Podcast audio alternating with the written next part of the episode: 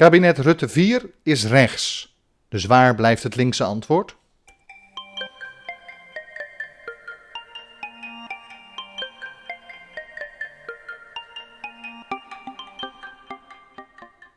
Een hele goede dag en welkom bij deze nieuwe aflevering van de podcast Links Geleuter. Mijn naam is Bastiaan Toornent, ik ben theatermaker, acteur, podcaster en opiniemaker. En zoals in iedere aflevering van Links Geleuter bespreek ik zo weer met u diverse politieke en of maatschappelijke onderwerpen.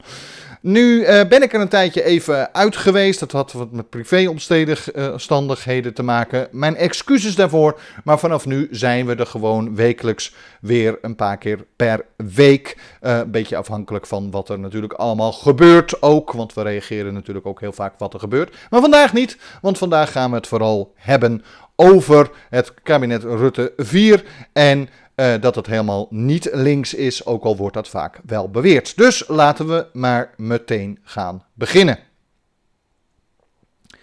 De kabinet Rutte 4 is natuurlijk geïnaugureerd uh, en op het bordes gestaan. Uh, voor de mensen die kijken, die kunnen nu ook de foto zien in beeld. En um, er wordt heel erg gedaan, want dat zag je meteen in het nieuws, zeker toen de regeerakkoord of de, de coalitieakkoord bekend werd uh, in december, werd al gezegd, ja, het is een heel links kabinet. Nou, dat is natuurlijk sowieso onzin, want het zijn geen linkse partijen. Tegenwoordig wordt heel vaak opeens D66 tot de linkse partijen be bestempeld. Nou, dat is grootst mogelijke onzin.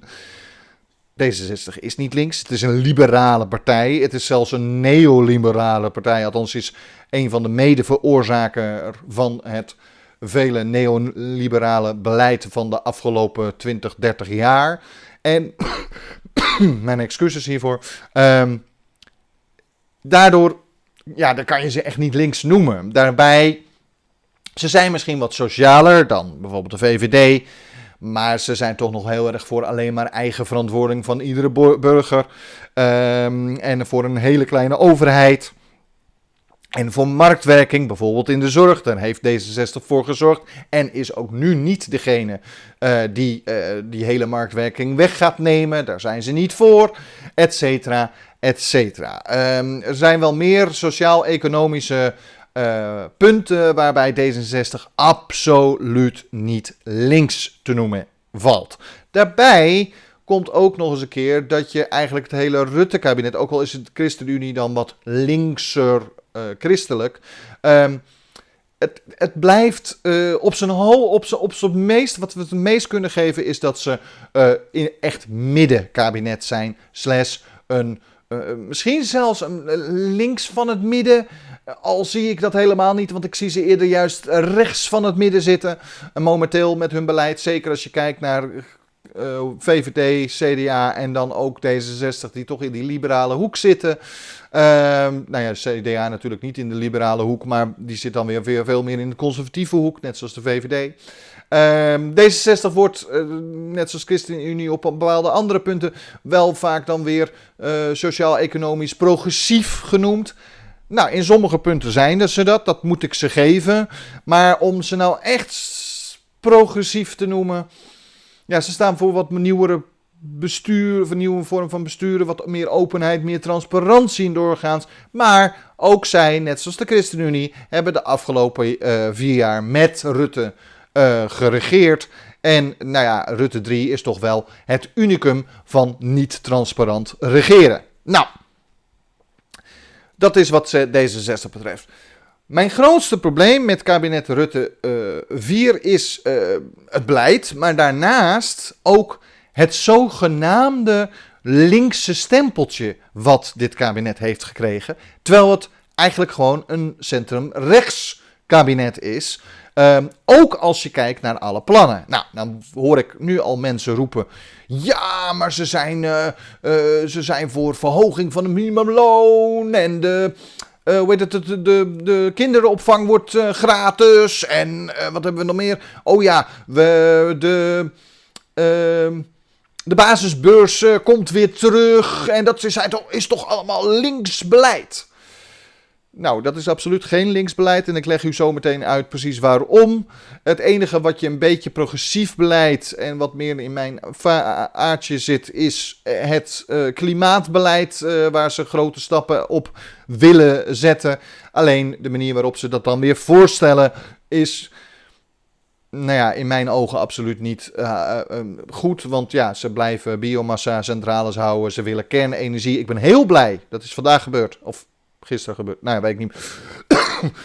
Europa heeft gascentrales en uh, kerncentrales oranje verklaard. En niet meer groen. Dus ze mogen alleen nog maar gebruikt worden op weg naar uh, de klimaatneutrale uh, samenleving, of in ieder geval de 60% of uh, 55% CO2-reductie die we in 2050 moeten halen. Ze mogen alleen op weg, ze mogen niet daarna een onderdeel zijn van. En daar ben ik heel blij mee. Ik heb al een keer uitgelegd waarom kerncentrales helemaal niet uh, CO2-neutraal zijn, ook al wordt dat vaak wel gezegd. Ja, de, de energie wordt CO2-neutraal opgewekt, maar je hebt zoveel beton nodig, ook voor het, uh, voor het afvalprobleem, waar eigenlijk helemaal nog steeds geen oplossing voor is, want in de grond stoppen is geen oplossing. Dus uh, dat blijft heel veel beton en beton is natuurlijk heel erg CO2-vervuilend. Goed, dat is een ander gesprek. Rutte 4. Klimaatbeleid is het enige wat je eventueel progressief kan noemen. De rest, het sociaal-economische beleid, is absoluut niet progressief en al helemaal niet links. En ik leg u uit waarom. Want het verhogen van de, het minimumloon. Ten eerste werd het tijd dat het eens een keer gebeurt. Ten tweede is het lang na niet genoeg. Want je hebt het over 80 cent over vier jaar. 20 cent per jaar krijgt het minimumloon erop. Nou, dat is niks. En als je daar tegenover zet de inflatie die er momenteel is en de inflatie die versterkt wordt door de verhoging van de, uh, het minimumloon, um, helpt het niet. Het helpt helemaal niks, want mensen zijn gewoon in hun portemonnee net zoveel geld kwijt aan producten als dat ze nu ervoor krijgen, uh, aangezien ja, die die inflatie zorgt ervoor dat die 80 cent meteen weer uit het portemonnee gehaald moet worden. Want alle producten zijn duurder. En daarnaast hebben we natuurlijk ook nog dat de energiekosten zo enorm gestegen zijn. En daar worden we op de belasting dan wel weer iets gecompenseerd. Maar dat wil niet zeggen dat jij minder geld kwijt bent. Nee, je bent eerder meer geld kwijt. Nou, een goede belofte van Rutte 4, laat ik niet alleen maar negatief zijn, is dat ze zeggen. Uh, alle uh, lagen van de bevolking moeten erop vooruit gaan. Dat is hetgene wat ze zeggen. En slechte van de reden is dat ze dat alleen maar ten aanleiding doen van de koopkrachtplaatjes. Terwijl dat nooit uh, direct betekent hoeveel geld jij in of uit je portemonnee hebt. Daarbij komt dat zij uh, niet een evenredige ehm, verbetering in jouw portemonnee hebben weer, de, vooral met name wat rijkere mensen en de grootverdieners, die gaan er het meest op vooruit in een portemonnee. En niet de minima. De minima gaan er maar iets op vooruit. En dat vind ik niet kloppen. Bovendien heb je natuurlijk ook nog de ouderen. En die gaan er eerder op achteruit dan op vooruit. Um, en uh, er is een hele simpele manier om dit soort dingen tegen te gaan. Maar dat is nou net hetgene wat het kabinet niet wil. En daar hebben we het zo meteen over. Nou. Een tweede punt, de basisbeurs, wordt ook gezien als een linkspunt. Dat de linkse partijen dat willen en dat is goed voor de minima. Maar is dat werkelijk zo goed voor de minima? Um, ja, het is goed voor een minima uh, student die uit een, een, een heet het, een, gezin komt waar niet veel geld is. Dat hij minder schulden hoeft te maken voor zijn of haar studie. Ja, dat is goed. en daar kunnen we blij mee zijn zodat hij op een minder grote achterstand komt te staan als hij klaar is met zijn studie. Maar hij blijft op een achterstand staan. En waarom? Omdat die student uit een minimagezin heeft dat geld echt nodig. Die zal er ook nog bij moeten lenen, wil hij de studie kunnen betalen, slash, nou ja, kunnen leven in de periode dat hij student is. Iemand die uit een veel rijker gezin, daar betalen de ouders vaak een gedeelte van de studie en een gedeelte van de woonkosten. Dus die heeft genoeg aan die basisbeurs. En ja, ehm, dan heeft hij verder niet zoveel kosten meer. Ehm, dus wie gaat er op vooruit? Degene die rijke papa en mama's hebben. Want rijke papa en zijn mama's die vulden nu de lening in van het leenstelsel. Dus deze studenten die bleven op een voorsprong staan, op een grotere voorsprong staan, want papa en mama betaalden de lening. Of betaalden uh, uh, de studie en, uh, en het leefgeld, waardoor ze minder hoefden of niet hoefden te lenen. Ehm, terwijl bij de minima moest er geleend worden. Nou, ja, het is beter dat de basisbeurs terugkomt, want voor de minima, die gaan daardoor iets op vooruit, zodat ze minder hoeven te lenen. Maar wie gaan er het meest op vooruit? De papa en mami van die rijke, uh, die rijke papi en mami. Want die hoeven nu niet meer alles te betalen voor hun, hun zoon of dochter die aan het studeren is. Terwijl ze eerst dat wel moesten. Dus voor wie is het het best? Voor de rijke stinkers. Die gaan er meer op vooruit. Dat, ze doen het niet inkomensafhankelijk. Doen ze het nou inkomensafhankelijk? Ja, dan zou het uh, een, een, een soort herstel zijn. Maar dat gebeurt niet. Het is zo dat dus vooral de rijke uh, uh, mensen, hun kinderen, die krijgen een voordeel. Van, althans, zij zelf krijgen er voordeel van, want ze hoeven minder te betalen aan de opleiding van hun kind. En ten tweede, de, ze krijgen een minder grote achterstand. Terwijl voor de minima is het een verbetering, maar nog steeds niet een grote verbetering. Nou, dat is het tweede punt. Dus de twee zogenaamde linkse plannen zijn helemaal niet links. Zijn helemaal niet sociaal-economisch beter voor de minima. Die zijn vooral beter voor de rijken. En dan kom je bij het grootste punt waar de meesten van zeggen: ja, maar dat is toch echt iets wat links al heel lang wil. En iets wat linkse partijen of, of, of sociaal-economische. Uh, echt vooral voor de minima het beste is. En dat bij deze is het de grootst mogelijke bullshit. En dat is namelijk de kinderopvang. De kinderopvang wordt gratis. Nou ben ik helemaal voor een gratis kinderopvang. Het is niets tegen een gratis kinderopvang. Maar gebruik het niet alsof het een zogenaamd een links iets is. En een zogenaamd veel, alleen maar ten goede komt van de uh, minima. Want dat is niet zo. Ze komen niet alleen maar ten goede van de minima. Beter gezegd, vooral de middeninkomens en de hoge inkomens, die profiteren er het meest van. De lage inkomens, die profiteren er helemaal niet van. Want de lage inkomens, hoe werkt het met de kinderopvangtoeslag? Hoe fout het allemaal daar ook is gegaan. Hè? En dan heb je het over de belasting en weet ik van. Dus dat daar iets aan gedaan moet worden, ja. En dat er ook een middengroep is die uh, eigenlijk uh, tussen wal en schip viel, ja, daar moest ook wat aan gedaan worden. Maar wat ze nu doen, helpt vooral de wat hogere middeninkomens en de hoge inkomens. Want wat gebeurt er?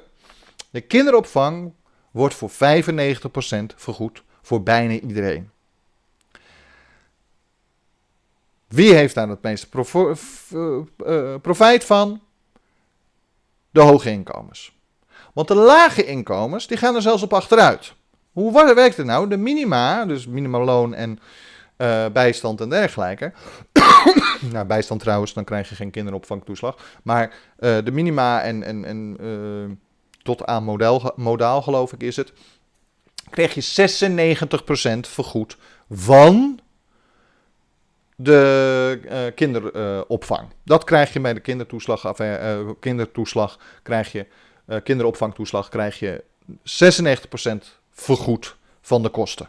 Dus 4% hoeft hij maar betalen. Wat gaat er nu gebeuren? Dat wordt dat ze 5% zelf moeten gaan betalen. Dus ze gaan er 1% op achteruit. En zeggen, ja, het is maar 1%. Ja, maar die ene procent is voor een persoon met een minimuminkomen heel erg nodig. Elke cent helpt hen. Terwijl die rijken, die gaan er 95% op vooruit. Want hoe werkte het systeem? Uh, het was eigenlijk een soort nivelleringssysteem waar ik eigenlijk wel voor ben. Inkomensafhankelijk. Hoe lager je inkomen, hoe meer je vergoed kreeg. Dus, vanuit de uh, opvangtoeslag. Dus hoe meer uh, hoe lager jouw inkomen, dan kreeg je 96 en dan had je 80% dat je vergoed kreeg en dan 40 en dan, nou ja, en lager en lager. Hoe hoger je inkomen, hoe minder vergoed en uiteindelijk helemaal niks vergoed. Dat zorgt ervoor dat uh, ja, de mensen die het niet kunnen betalen het toch kunnen doen. En mensen die het wel, uh, die het wel kunnen betalen, het gewoon zelf moeten kunnen betalen. Uh, kunnen blijven doen. Nou, dat er een groep was die er tussen wal en schip viel, waarvan het nog te duur was om zelf alle kosten te betalen. Maar een te hoog inkomen had om uh, echt nog uh, iets te hebben aan de toeslag die er eventueel over stond. Of juist dat er helemaal geen toeslag meer kwam. Ja, die groep was er. En daar had naar gekeken moeten worden hoe dat voor die groep opgelost kon worden. Zodat ze niet in de problemen zouden komen. Uh, door, uh, en dat het nog steeds gunstig wordt voor zo'n vrouw of juist man. Uh, om uh, toch te gewoon gaan werken. Want het is beter voor arbeidskrachten, et cetera. Dus ik snap helemaal dat ze willen dat uh, vooral kinderen ook naar de opvang gaan, zodat meer uh, vrouwen met name, want helaas is het toch meestal zo dat de vrouw langer thuis blijft uh, als de kinderen thu thuis zitten, ehm, dat die vrouwen dan ook aan het werk zou kunnen. Nou, ik snap helemaal dat dat een doel is en dat ze dat willen.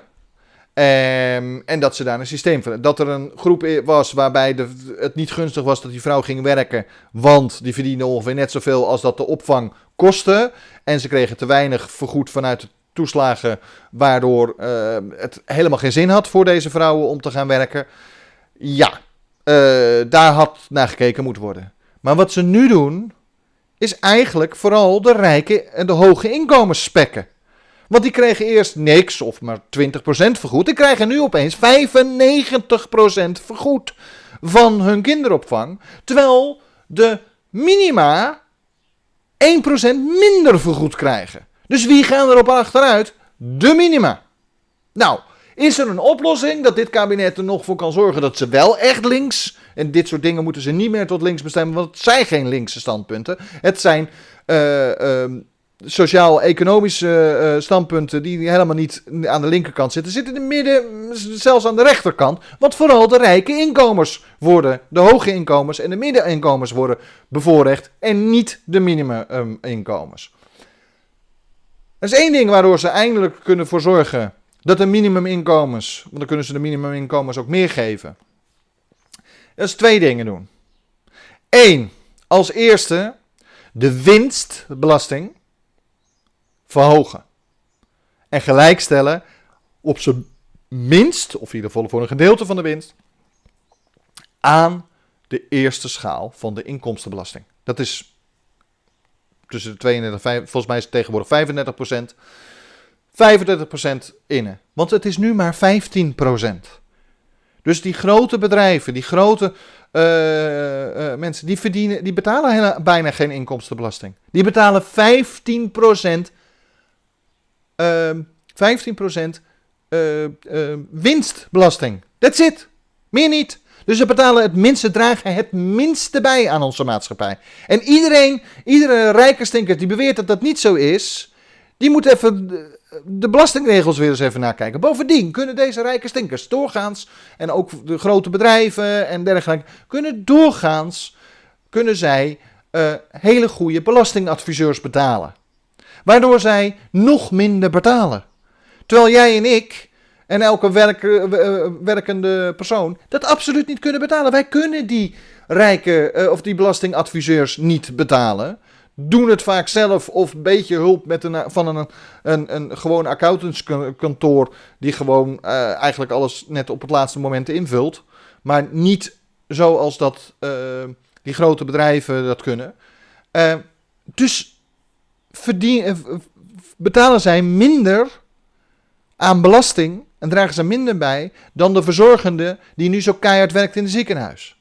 En dat vind ik het allerergste. Dit kabinet had dat kunnen doen. D66, die zogenaamd altijd zo voor de progressiviteit is, die had dit eindelijk eens kunnen aanpakken.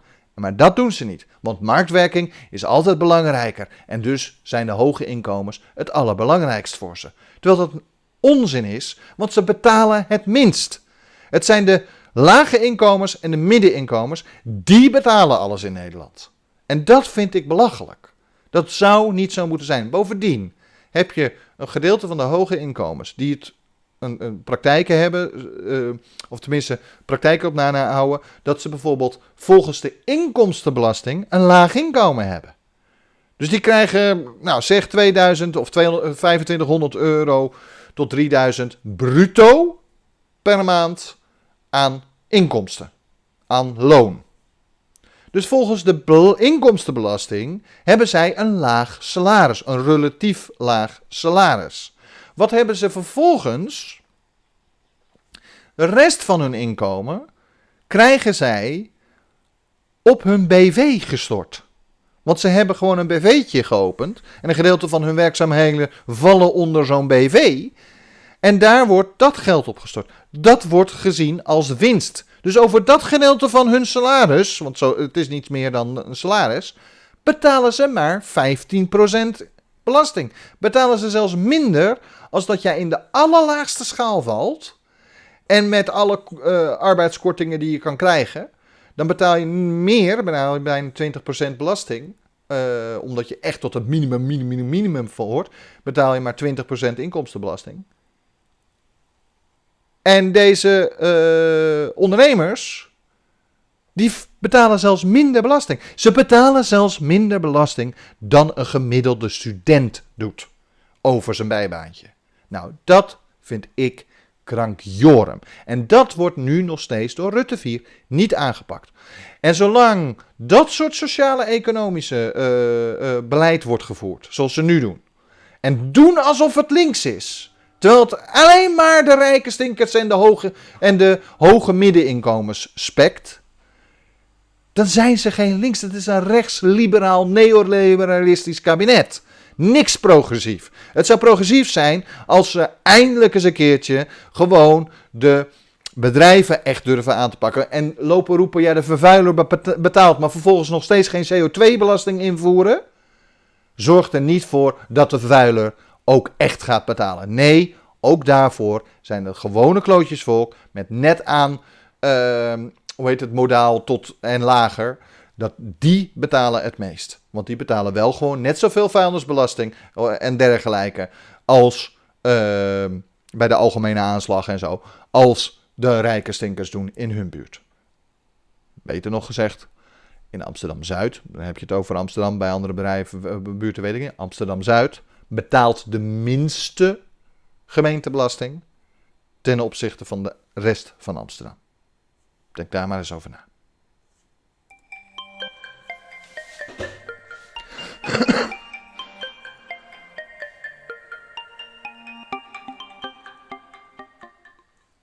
Wat moet het linkse antwoord zijn op dit rechtse Rutte-kabinet?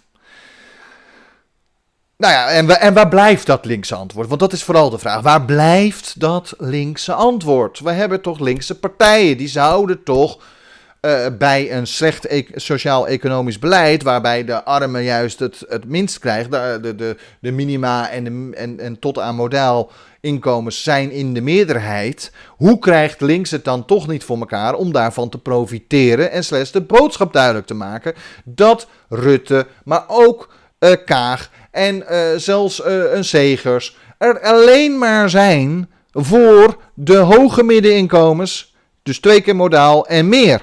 Daar zijn ze ervoor. Daar hebben ze alle goede regeltjes voor geregeld. Um, wat, wat, wat kan links doen? Nou, als eerste moeten we dan naar de linkse partijen. En zoals u ziet, uh, als mensen kunnen zien, ik heb de, uh, het logo van GroenLinks, ik heb het logo van SP, van uh, Partij voor de Dieren en van Bijeen. Want dat zijn de vier linkse partijen die we hebben. En dan zijn er mensen, hé, ik mis er nog twee, Denk en uh, PvdA. Mm, maar ik betwijfel of zij nog wel zo links zijn. Denk sowieso. Denk heeft sowieso, uh, die zwabbert een beetje. Bovendien komen ze uit de PvdA voort. En PvdA zelf, uh, kijk, heel simpel. als je teruggaat naar het hele begin van de PvdA, ja, toen waren ze links. Als je teruggaat naar Den Uil, ja, het was echt wel links wel oud links, maar het was links. En toen hadden we ook nog echt de arbeiders. Maar sinds uh, Kok ehm, eigenlijk minister van Financiën werd in Lubbers 3. En daarna zelf premier werd in Paars 1 en in Paars 2. Is PvdA eigenlijk bijna niet meer links. Ze zijn samen gaan regeren met de VVD. Uh, ze waren wel de grootste in dat kabinet, in die twee kabinetten. En toch, en toch wisten ze niet voor elkaar te krijgen om echt links beleid te doen. Ik bedoel, heel eerlijk, hoe kan je het rijmen dat juist Paars 1 met de PvdA als allergrootste en degene die de premier leverde, heeft gezorgd voor alle marktwerking waar wij nu zoveel last van hebben. Zij hebben, zij hebben de privatisering ingezet. Zij hebben de eerste uh, dingen ingezet in de zorg dat dat geprivatiseerd, dat dat uh, marktwerking ging uh, krijgen. Uiteindelijk hebben andere, heeft Balken en dat verder doorgezet, maar in eerste instantie de eerste aanzet van al die dingen, dat de nutsbedrijven, NS, alles werd geprivatiseerd in Paars 1 en in Paars 2. Dat was het kabinet van de PvdA. Nou heeft Kok ook gezegd, we hebben onze uh, ideologische veren moeten we afschudden. Maar daarna hebben ze ze nooit meer echt teruggepakt. En ja, je hoort ze nog steeds wel eens over arbeiders en over de sociale media. En ja, hoe Ploemen nu doet, is, komt het over alsof ze echt heel links is. Of weer veel terug meer is gegaan naar dat linkse wat de... Maar ze noemen zich niets voor niets sociaal-democraten.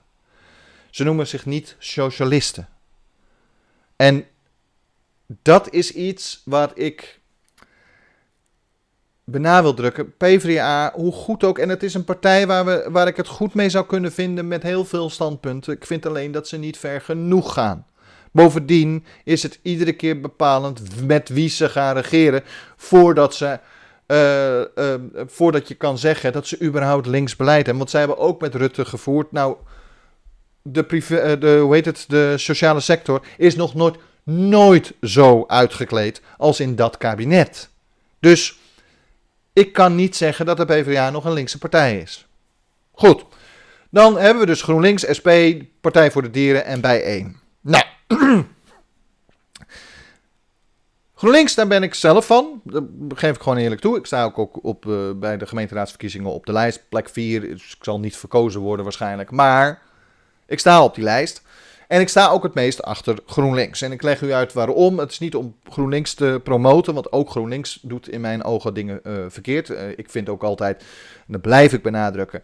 Je staat en je stemt voor de partij die het minst slecht vindt. Niet degene die het best vindt. Want degene die je het best vindt, dan zou je het met alles eens zijn. En dat is niet zo. Ik ben het niet met alles eens van GroenLinks. Maar GroenLinks is het ook niet alle eens met wat ik doe. Nou, waar gaat het mij om? Een ehm, paar punten. GroenLinks is een samenvoegsel. Er zijn nu mensen die zeggen, behandelen GroenLinks als een middenpartij. En ja, GroenLinks heeft een periode gehad dat ik ook echt dacht van, wat zijn ze nou aan het doen? Dat was onder Femke Halsema. Dat ze steeds meer naar rechts opschoven, naar het midden opschoven. En steeds meer met D66 samen dingen ging doen, maar steeds meer op D66 ging lijken. Nou, gelukkig is dat met Jesse Klaver en, vlak daarvoor is dat alweer uh, een heel stuk meer naar links gegaan. Um, maar ook GroenLinks heeft, dat ons mensen binnen GroenLinks hebben de neiging om wat naar het midden toe te schuiven als het gaat om regeren. Want dan willen ze de wat sterkere standpunten van GroenLinks loslaten of van het linkse loslaten, omdat ze anders bang zijn dat ze uitgesloten worden van uh, coalities, et cetera. En ergens vind ik dat heel jammer, uh, want dat betekent gewoon dat macht corrompeert en ook bij uh, mensen die veel principieler zijn als dan vaak rechtse mensen zijn, blijkt dat gewoon het geval te zijn. En dat vind ik jammer. Um, maar als je kijkt naar het beginsel van GroenLinks, dan kom je toch uit op de partijen waar ze ooit uit zijn ontstaan. En dat is de PSP, de uh, CPN, de PPR en de EVP. Die vier partijen, nou, het zijn alle, waren allemaal progressieve partijen. En dan christelijk, de EVP was natuurlijk christelijk. Maar voor de rest waren het allemaal uh, linkse, echte linkse partijen, socialistische partijen.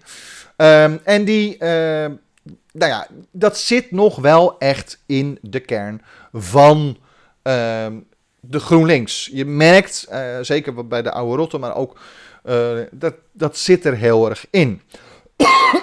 Bovendien wilt GroenLinks uh, qua sociaal-economisch vaak veel verder gaan als dat PvdA. Vindt dat vindt al jaren dat bedrijven, de vervuilers, de grote bedrijven, moeten gaan betalen voor hun vervuiling. Gewoon de CO2-belasting en ook een hoge CO2-belasting. Vindt al jaren dat de winstbelasting, ook toen de PvdA aan de macht was, uh, hebben ze opgeroepen dat de winstbelasting eindelijk wordt verhoogd. Dat de rijken meer gaan bijdragen in plaats van de, het minste bijdragen van allemaal. Nou, lukt het ze? Nee. Ook GroenLinks, en zeker de laatste tijd, weet niet goed meer hoe ze die boodschap over kunnen brengen. Dat heeft te maken met niet te extreem willen overkomen, omdat ze een alternatief willen zijn. Uh, en omdat uh, willen dat ze, ze willen graag regeren, uh, verantwoordelijkheid dragen. Nou, ik vind dat zelf eigenlijk altijd jammer dat ze dat doen. welke partij dat dan ook doet. Want daarmee hou je eigenlijk een stukje van je kern laat je los. En doordat je die kern loslaat, kom je automatisch minder betrouwbaar over, want je bent in je standpunten aan het zwabberen. Um, volgens mij kan je beter het wel vasthouden, maar uitleggen dat je een compromis in de coalitie hebt moeten sluiten. Dat vind ik een veel beter idee. Dat vind ik iets wat Segers van de ChristenUnie uh, in kabinet Rutte 3 heel goed heeft gedaan. Uh, ook al ben ik helemaal niet van die partij, maar hij weet heel goed te zeggen, joh, ik moet die compromis sluiten, want anders kan, eh, kan er geen regering komen. Nou, GroenLinks worstelt daar nog mee en ik vind dat ze eigenlijk vooral het linkse uh, wat, wat sterker vast moeten gaan houden. Want het klimaat, dat is natuurlijk, daar staat GroenLinks bekend om. En uh, daar houden ze echt wel heel erg aan vast. Het linkse, dat wil wel eens ondersneeuwen. Um, en dat komt volgens mij ook omdat GroenLinks heeft een beetje hetzelfde last van als wat D66 in principe vaak heeft, is dat het een beetje een elitepartij is. En wat ik mij bedoel is dat er um, heel veel uh, mensen die uh, de achterban van GroenLinks bestaan heel veel uit hoogopgeleide mensen. Het probleem daarvan is, is dat deze hoogopgeleiden vaak niet zelf onderdeel zijn van de sociale minima in Nederland. Dus dan wordt het heel snel praten over in plaats van praten met en onderdeel zijn van de minima. En daar moeten we uh, als GroenLinks moet daar echt voor. Nou, dan hebben we de SP. De SP is wel veel meer. Dat laag bij de grond. Uh, uh, partij, uh, arbeiders, een beetje arbeidspartij. Het nadeel is alleen dat zij vasthouden, doet PvdA ook een beetje, aan een links van de jaren 70, 80 de arbeiders. De... En dat bestaat niet meer. GroenLinks is veel progressiever, veel moderner links. Dus het maakt niet uit wat voor je achtergrond je eigenlijk hebt. Uh, je mag zelfs onderdeel zijn van de elite. Uh, om toch gewoon volledig links te kunnen zijn. Terwijl de SP sneller heeft dat ze ja, je moet zelf las, lasser zijn geweest, wil je voor die partij uit kunnen komen. Het is een beetje, het gezegd, zo is het niet.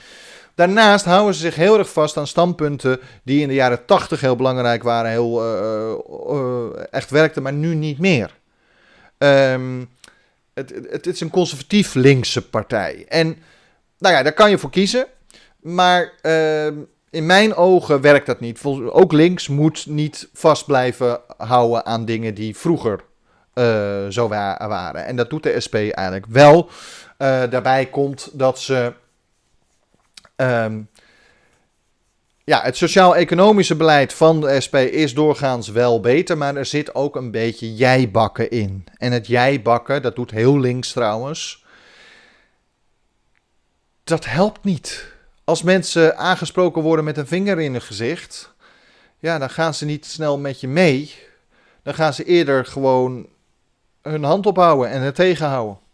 Dus hoe kan je mensen meekrijgen in dat sociaal-economische beleid en, en, en dat, dat uh, meer opgekomen moet worden voor de zwakkeren in de samenleving.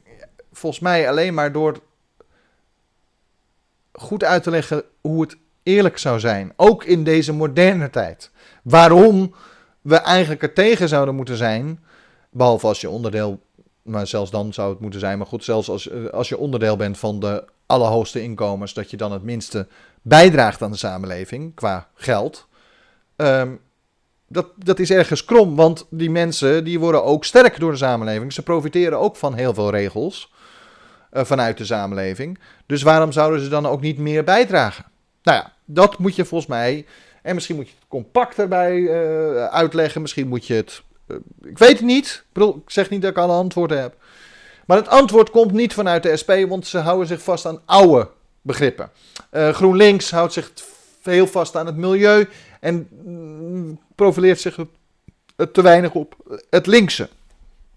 Dierenpartij, nou ja, dat zegt het eigenlijk al, zit op het milieu en vooral de dierenwelzijn. En hoe goed dit ook is, ik zeg niets dat er tegen is. Ik ben niet tegen de SP, ik ben niet tegen de Partij voor de Dieren, ik ben helemaal niet tegen GroenLinks. Maar het gaat er een beetje om dat ze de kern van deze partijen ligt net op een detail anders.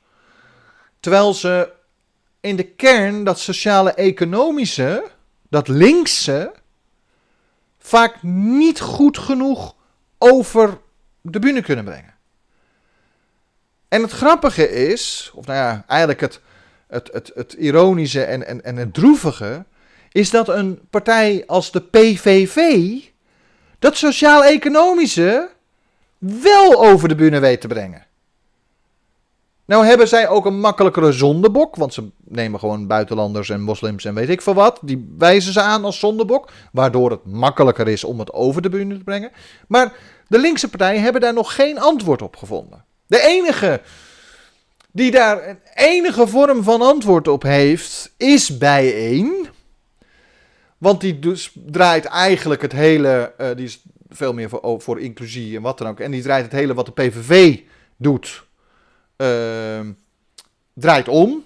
Ze draaien het gewoon om. Um, dus het uitsluiten wordt insluiten. En, en, en iedereen die daar niet voor is, is eigenlijk een, een racist en wat dan ook. Maar dan kom je weer bij het vingertje. Ze wijzen te veel met het vingertje. En met het vingertje gaan we niet als links ervoor zorgen dat uh, de meerderheid links gaat stemmen.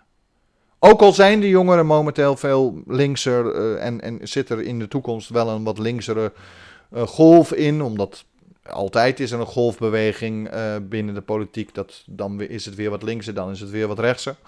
Nou zitten we wel vrij lang al in een behoorlijk rechtse kant, maar goed, ik hoop dat er op een gegeven moment weer wat linkser wordt. Het probleem is dat ehm, de linkse partijen, bij een Dierenpartij, SP, GroenLinks, en dan reken ik even dit andere twee ook bij Denk en, en PvdA. Uh, die wijzen te veel met het vingertje naar de anderen, naar personen, maar ook naar elkaar. En dan is er ruzie onderling en dan kunnen we de boodschap nooit overbrengen. Goed, dit was mijn boodschap voor vandaag. Uh, voor, van de week ben ik er weer, waar we het dan over gaan hebben, hoort u uh, dan.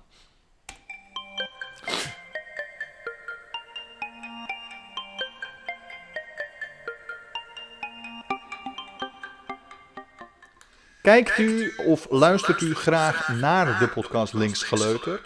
Deel en like dan deze aflevering. En abonneer u via mijn Facebookpagina of natuurlijk via mijn YouTube-kanalen. En natuurlijk kunt u ook gewoon naar de podcast luisteren via Spotify, Apple Podcasts, Google Podcasts en diverse andere podcastplatformen. En wilt u nou nog meer informatie? Kijk dan even op mijn website en dat is natuurlijk www.torenent.nl.